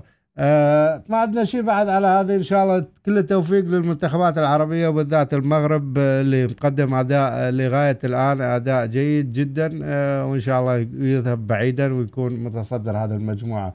نذهب للمجموعة اللي بعدها وهي المجموعة جي وهي برازيل آه سويسرا وكاميرون وصربيا. يعني هذه المجموعة يمكن أنا أشوف البرازيل هو الأبرز أو أبرز المرشحين وأبرز الفرق. يعني نقول إحنا لأنه جاهز وقدر يتفوق آه، يفوز في المباراتين بأقل مجهود أتصور. رغم أنه اليوم بعد خسارتهم لنيمار أنه هذه المباراة لم يشارك نيمار يعني نشوف أقل البرازيل ظهر أقل اليوم شوية من المباراة السابقة. آه، أمام سويسرا. ما أدري إذا توافقني في هذا الشيء. أيضا الكاميرون يعني عادت آه، يعني قصدي تعادلت اليوم مع آه، عندها صار تعادل أمام صربيا أتوقع. نعم نعم.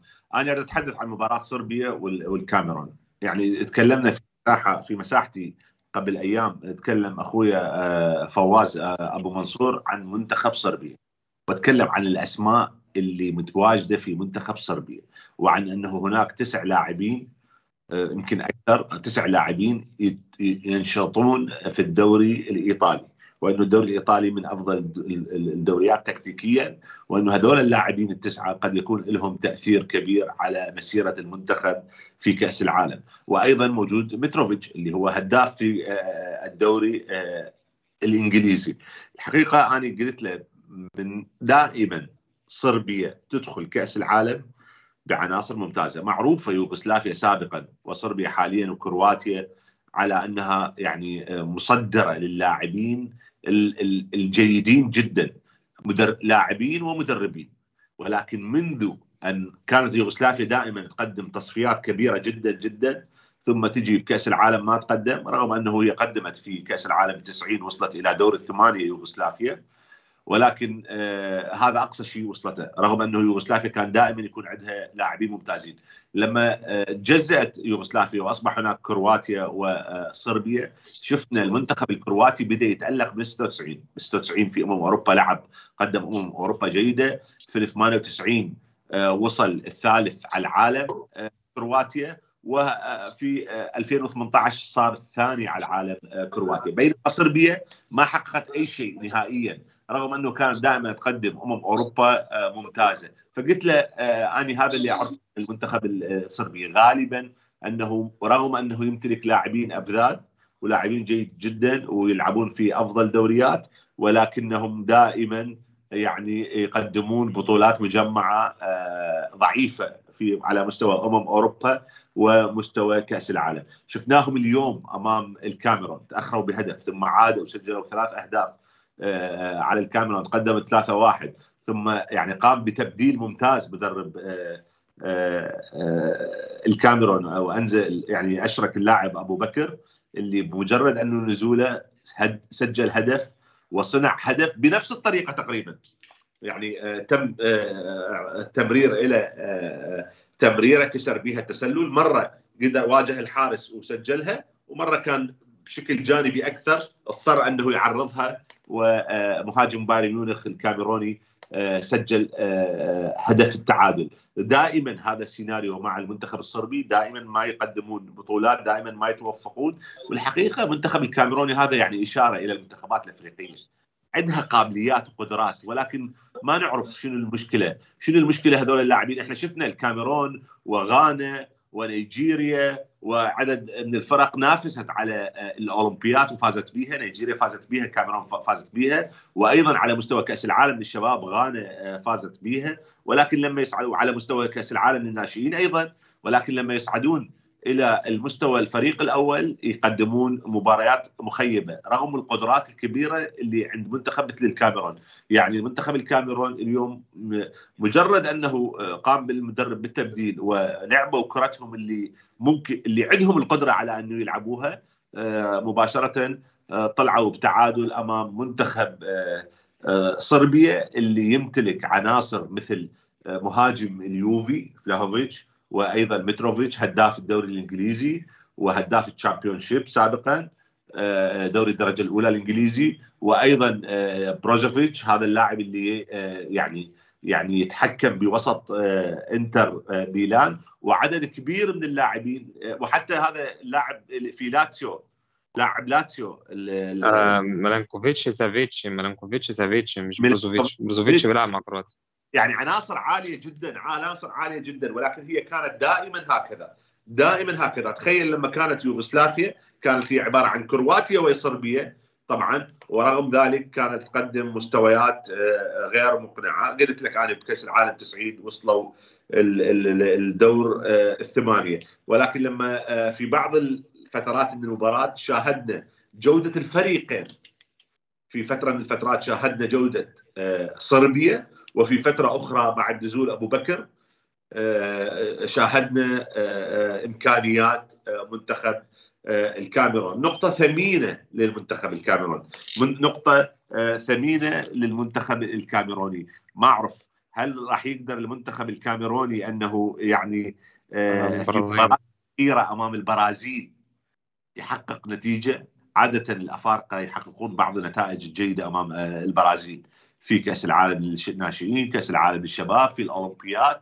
حققوا نتيجة آه، ممتازة أمام البرازيل ب 96 آه، آه، يعني دائما الأفارقة يحبون يلعبون أمام البرازيل يحبون يبرزون مواهبهم أمام البرازيل لأنه هم يعني من هم صغار متربين على متابعة المنتخب البرازيلي. والبرازيل ما عنده مشكلة الفريق عنده ست نقاط. وسيتصدر الأول لكن قد يخاف قد يخاف البرازيل من فوز سويسرا على صربيا وهو فوز ممكن وبالتالي يخسر صدارة المجموعة. قد يخاف منتخب البرازيل من فوز سويسرا على صربيا وهو فوز ممكن للمنتخب السويسري آه، فيفقد البرازيل آه، المجموعة. ولذلك آه، أعتقد راح يلعب بجدية أكبر مع بعض التغييرات راح يقوم بعض التغييرات. الحقيقة مجموعة البرازيل عندها عناصر كثيرة في الملعب خصوصا على المستوى الهجومي. لكن اليوم أمام سويسرا شفنا الشكل الهجومي بعدم وجود نيمار أقل بكثير. شفنا الشكل الهجومي بعدم وجود نيمار آه، أقل آه، بكثير. قدر كاسيميرو يسجل هدف متأخر في المباراة. ويحسب لثلاث نقاط لصالح المنتخب آه، البرازيلي. سويسرا أيضا عندها بعض العناصر الجيدة ويلعبون بمنظومة أوروبية يعني جيدة. أعتقد أنه المركز الأول راح يكون للبرازيل وقادر المنتخب السويسري على ارتكاك المركز الثاني ولكن حتكون عنده مواجهة صعبة أمام صربيا، صربيا راح يحاول راح يتشبث بأمله يقول لك أنا ممكن أفوز على على سويسرا وأصعد ثاني لأنه الكاميرون يستبعد فوز الكاميرون على آه، البرازيل. وباحسن الأحوال الكاميرون يتعادل أمام البرازيل يصير عنده نقطتين. وصربيا راح راح نشوف مباراة نارية ما بين صربيا وسويسرا بأمانة. راح نشوف مباراة كبيرة. وحنشوف جودة هذول اللاعبين المفروض تترجم على أرض الواقع. يعني آه، المفروض تترجم آه، جودة لاعبي صربيا على أرض الواقع. أبرز نقطة في منتخب البرتغال يعني إحنا الآن ثلاث فرق هي اللي قدرت تحقق ست نقاط. إلى الآن فرنسا البرازيل والبرتغال. البرتغال أيضا أرسل إشارات يعني أرسل إشارات جيدة عن المستويات اللي ممكن يقدمها يعني على الأقل من ناحية اللاعبين. يعني على الأقل من ناحية اللاعبين والدكة اللي يتمتع بها آه، آه، البرتغال، البرتغال اليوم كانت عنده عناصر آه، ممتازة على الدكة وعنده عناصر أساسية ممتازة. يعني هذا لياو مهاجم الاي سي ميلان لياو لاعب على مستوى كبير. جواو فيليكس أيضا برونو فرنانديز لاعب مانشستر يونايتد نيفز لاعب وولفرهامبتون. اليوم بالمناسبة برونو فرنانديز يعني صانع ثلاث أهداف من أربعة من أهداف البرتغال. مسجل هدف واحد أيضا. يعني مقدم إلى الآن بطولة مقنعة ومقنعة جدا برونو فرنانديز. البرتغال يعني أيضا فازت على الفريق اللي اللي اللي أخرجها في في في الاورجواي في آخر مرة تقابلوا فازت الاورجواي أعتقد 2-0 على البرتغال وأخرجت البرتغال. اليوم آه، البرتغال فازت 2-0 على الاورجواي ولكن يعني ما زال هناك أمل يعني قليل لأنه الاورجواي عنده نقطة آه، عنده نقطة وراح يواجه غانا. يفوز على غانا يصعد آه، أول. أيضا هذه مواجهة ثأرية ما بين غانا والبرتغال. 2010 دور الثمانية. غانا الأوروغواي. غانا أوروغواي. 2010 دور الثمانية. والحادثة الشهيرة اللي كانت كرة على المرمى ودخلها اللاعب الغاني ولكن سواريز طلعها بيده ثم ضربة جزاء أضاعها في وقتها نجم البرتغال آه، نجم غانا اللي كان يلعب في العين. اسموجين اسموجين اللي كان يلعب في السوانزي وثم انتقل آه، للعين آه، الإماراتي. رغم أنه بعدين أصبحت ضربات جزاء بعد الاشواط الاضافيه سجل خطيه الولد ولكن أضاع فريق ضربات جزاء وخرجوا وصعدوا آه، آه، أوروغواي إلى المربع الذهبي، المربع الذهبي كان متواجد به هولندا، إسبانيا هولندا، إسبانيا، ألمانيا، أوروغواي. كان بهذا آه، الرباعي. أيضا فمباراة كبيرة ما بين الفريقين. غانا اليوم أظهرت شكل هجومي كبير أمام آه، كوريا الجنوبية كانت مباراة سجال وتشبثت آه، الحقيقة بالفوز واستطاعت أن تفوز تقدمت بهدفين عادل المنتخب الكوري وحاولت غانا بشكل كبير أنه يعني تظفر بالنقاط الثلاثة وظفرت. المواجهة النهائية راح تكون صعبة. الآن بالنسبة للبرتغال خلاص ما عنده شيء. هو أول. بنسبة كبيرة أول يعني. يعني لأنه أهدافه وكذا غانا حتى إذا فازت ما راح تقدر تنتزع المركز الأول من البرتغال. أتوقع راح يريح عدد من اللاعبين في المباراة الأخيرة. ولكن راح نشوف راح تكون مباراة حاسمة ما بين غانا والأوروغواي. بالمناسبة الأوروغواي اللاعب نونيز لاعب ليفربول ما قدم إلى الآن آه، الشيء اللي يشفع له آه، في البطولة. سواريز على الدكة ولما ينزل ما يضيف شيء. كافاني أيضا ما أضاف شيء. فالفيردي فالفيردي اللي تم التعويل عليه كبير وتم أنه يعني آه، آه، أنه هذا اللاعب راح يقدم مستويات كبيرة ما قدم مستويات كبيرة بس من ناحية فنية راح يتكلم إسلام يمكن بتركيز أكبر على هالمجموعه. آه خلينا نبتدي بمدير الفني المنتخب الأوروغواي اللي هو لا يعرف قيمة ما يمتلكه من جواهر ولاعبين في منتخب الأوروغواي أنت لما يبقى عندك خصوصا في في بداية الموسم ولا أروع لثنائي خط الوسط سواء كان فالفيردي مع ريال مدريد اللي هو آه، على المستوى التهديفي أو على مستوى آه، لاعب box to box كان مقدم أداء عظيم مع ريال مدريد.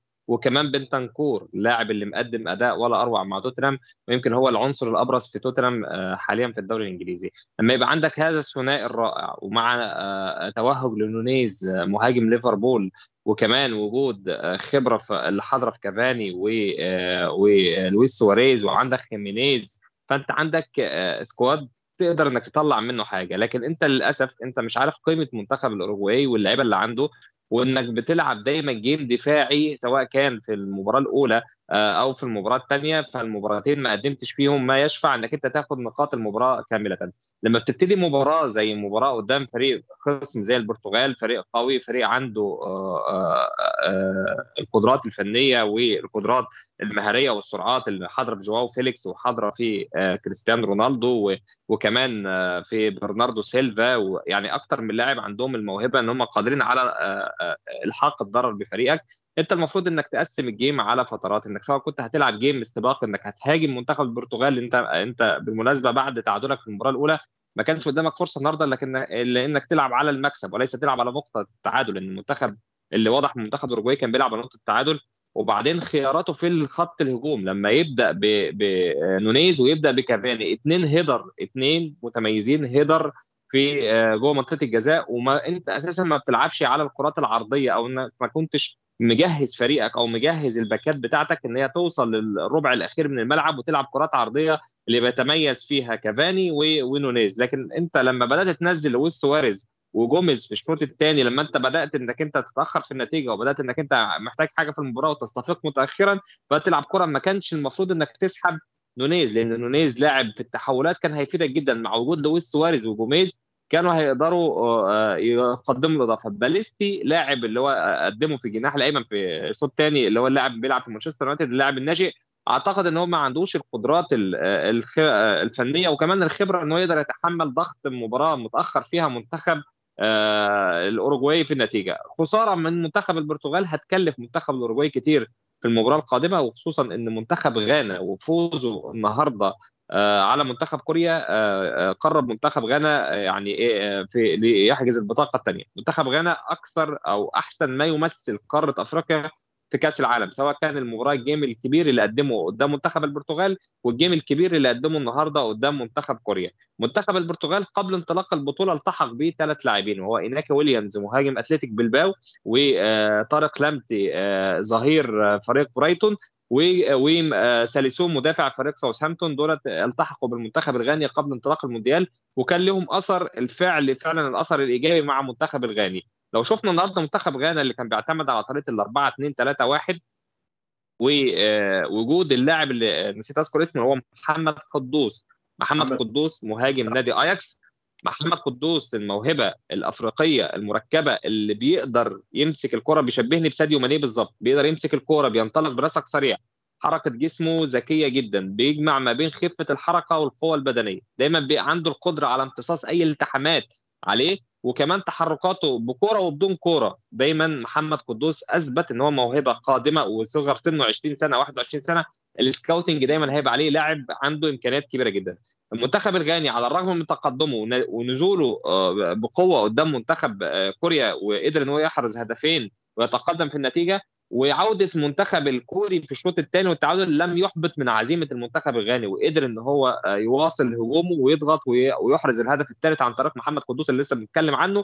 فمنتخب غانا عنده من اللاعبين وعنده من المواهب اللي تقدر إن هي تصمد في المجموعة وتكمل وبيبان بشكل مشرف جدا قدم قدام المنتخب البرتغالي أداء عالي وخصوصا في نص الملعب عنده لاعب عامل آه control لل game اللي هو توماس بارتي وتألقه مع مع أرسنال الفترة الأخيرة ووجوده في نص ملعب منتخب غانا عامل شغل كبير مع ثنائية زي ما قلنا آه ثنائي أيو وأندريه أيو وجوردان أيو الاثنين عاملين برضو بعض الخبرة مدين مدين ثقل للمنتخب الغاني. فالمنتخب الغاني في وجود لاعبين بقيمة قدوس وإيناكي ويليامز وقلنا جوردان أيو وطارق لامبتي ناحية آه، الشمال آه، ناحية اليمين. فأنت بتتكلم على منتخب قوي وقادر على الصعود مع المنتخب آه، البرتغالي. المباراة الأخيرة اللي هتجمع ما بين منتخب البرتغال ومنتخب كوريا ومنتخب غانا. هيلاعب منتخب اوروجواي منتخب غانا والاوروجواي مباراة لا تقبل القسم على اثنين منتخب الاوروجواي ليس أمامه فرصة إلا المكسب. منتخب غانا التعادل فقط يكفيه للصعود. فمباراة تبقى صعبة على الفرقتين لكن أنا برجح كفة منتخب غانا على منتخب الاوروجواي لأن منتخب الاوروجواي زي ما قلنا منتخب بعيد تماما عن المستوى الفني والبدني وتحس إن هو مش جاهز للمونديال بعكس منتخب غانا اللي جهز نفسه وجهز فريقه ولاعيبته إن هو قادر على إن هو يعمل حاجة ويعمل مفاجأة في الدور الثاني حتى من كأس العالم. يعطيك العافية يا أسلام. ما أدري إحنا تقريبا غطينا كل المجموعات إذا عندكم إضافة شيء أبو أحمد؟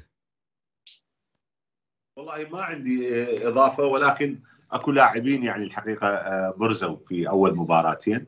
الحقيقة برز آه، برونو فرنانديز من البرتغال في أول مباراتين. برز آه، امبابي بشكل لافت لافت جدا من فرنسا. لاعب خط وسط إسبانيا بيدري بيدري أو بيدرو لاعب برشلونة. أيضا آه، رغم صغر سنه رغم صغر سنه أيضا آه، برز آه، بشكل لافت. يعني هاي الأسماء اللي جربوا قدوس. قدوس يعني قدوس أيضا ممكن المباراة الأولى امام البرتغال نعم يعني لكن بالمناسبة غانا حتى في مباراة شو اسمه حتى في مباراة البرتغال حاول حاول الفريق بأمانة وخسر 3 2 وكان قريب جدا من التعادل. يعني وسجل هدفين سجل هدفين.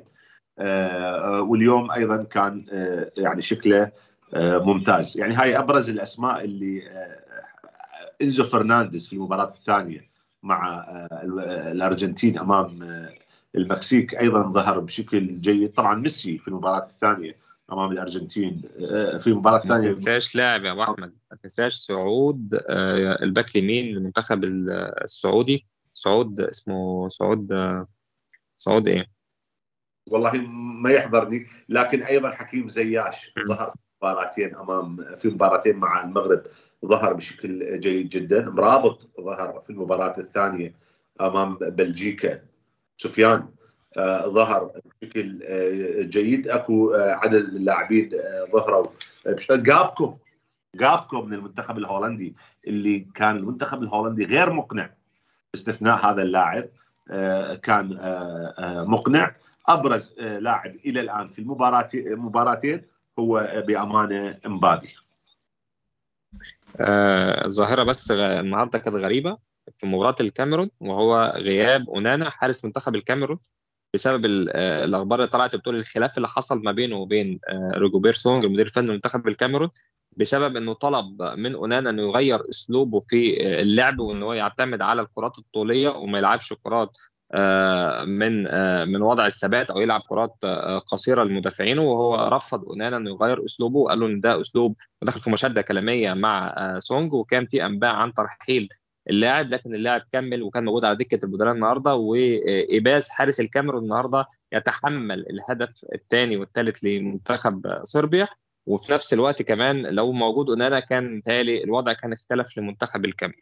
حاجة تانية منتخب صربيا النهارده وهو في حاجة للنتيجة ومتعادل 3 3 بيحتفظ دراجان ستويكوفيتش اللي هو المدير الفني لمنتخب صربيا بيحتفظ بأهم اثنين مهاجمين في منتخب صربيا وهو فلاهوفيتش ولوكا يوفيتش الاثنين على دكة البدلاء. ولم يدفع بهم حتى نهاية المباراة. ودي حاجة عليها علامة استفهام كبيرة آه، جدا لأن أنت محتاج المكسب وعندك ميتروفيتش تعب وتاديتش ما كانش مقدم الأداء العالي فكان المفروض تدفع بمهاجم من اليوفنتوس اللي هو فلاهوفيتش المهاجم اللي مقدم أداء كويس في الدوري الإيطالي أو كمان لوكا يوفيتش المهاجم اللي بيلعب في الدوري الألماني حاليا. فأنت آه، فرط منتخب صربيا في مباراة كانت سهلة جدا على منتخب آه، الكاميرون. وكمان أنا لما بشوف أداء منتخب الكاميرون بتحسر جديا على عدم وجود منتخب الجزائر في هذا المونديال لأنه كان كفيل وكان قادر على إن هو يصنع الفارق زيه زي منتخب المغرب لما يحتويه من لاعبين ومواهب لأن منتخب الكاميرون منتخب سيء وأسوأ ما يمثل آه، قارة أفريقيا في هذا المونديال ومنتخب ضعيف ضعيف وفقير فنيا جدا آه، في هذا المونديال.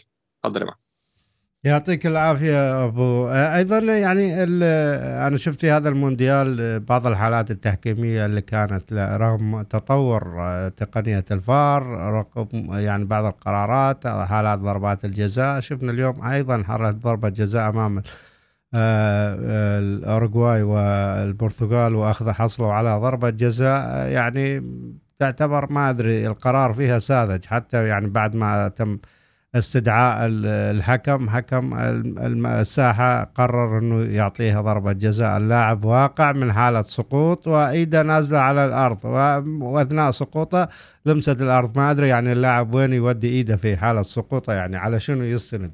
لاعب استند على إيده مع سقوط على الأرض حاشت إيده كرة الكره وحسبها الحكم ضربة جزاء. أمس كان في الكرة رايحة لإيده الكرة رايحة لإيده برضه. طبعا وأمس حاله ضربه آه، الكرة في إيد بوسكش في مباراة أسبانيا وألمانيا ولم تحتسب ضربة جزاء يعني. آه، ضربة الكف صحيح من إيد ثابتة آه، لكن لم تحسب. يعني ما أدري في قرارات بعض. أيضا شفنا إحنا في مباراة أتوقع مباراة السعودية أعتقد. البرتغال وغانا. ضربة جزاء للبرتغال لغانا. غانا في في في بعض الحالات يعني أيضا آه، ما أدري يعني. حتى منتخب أعتقد آه، لألمانيا ضربة جزاء لم تحتسب أيضا. فما أدري يعني شنو شنو اللي آه، يعني على شنو تستند يعني. المفروض قرارات الفار يتدخل في بعض القرارات وأيضا الحكم الساحة يكون يعني يكونون أكثر من من ذلك. إحنا شفنا الحكم الأفريقي اللي شارك في مباراة في بطولة أفريقيا اللي أنهى مباراة تونس من الدقيقه 85 شارك في هذه المباراة وكان على قراراته أيضا بعض الجدل. أه، ما أدري عندكم شيء؟ المونديال؟ نعم. كان موجود في المونديال؟ نعم نعم شارك في المونديال. أعتقد في مباراة هولندا أتوقع أو ما أدري والله في أي مباراة يعني. نفس الحكم اللي أنهى مباراة تونس آه، في بطولة أفريقيا من الدقيقة 85 ورد بعدين كملها. اليوم آه، آه، يعني قبل أعتقد في الجولة الثانية شارك كان هو الجولة الأولى والثانية كان محكم فيها.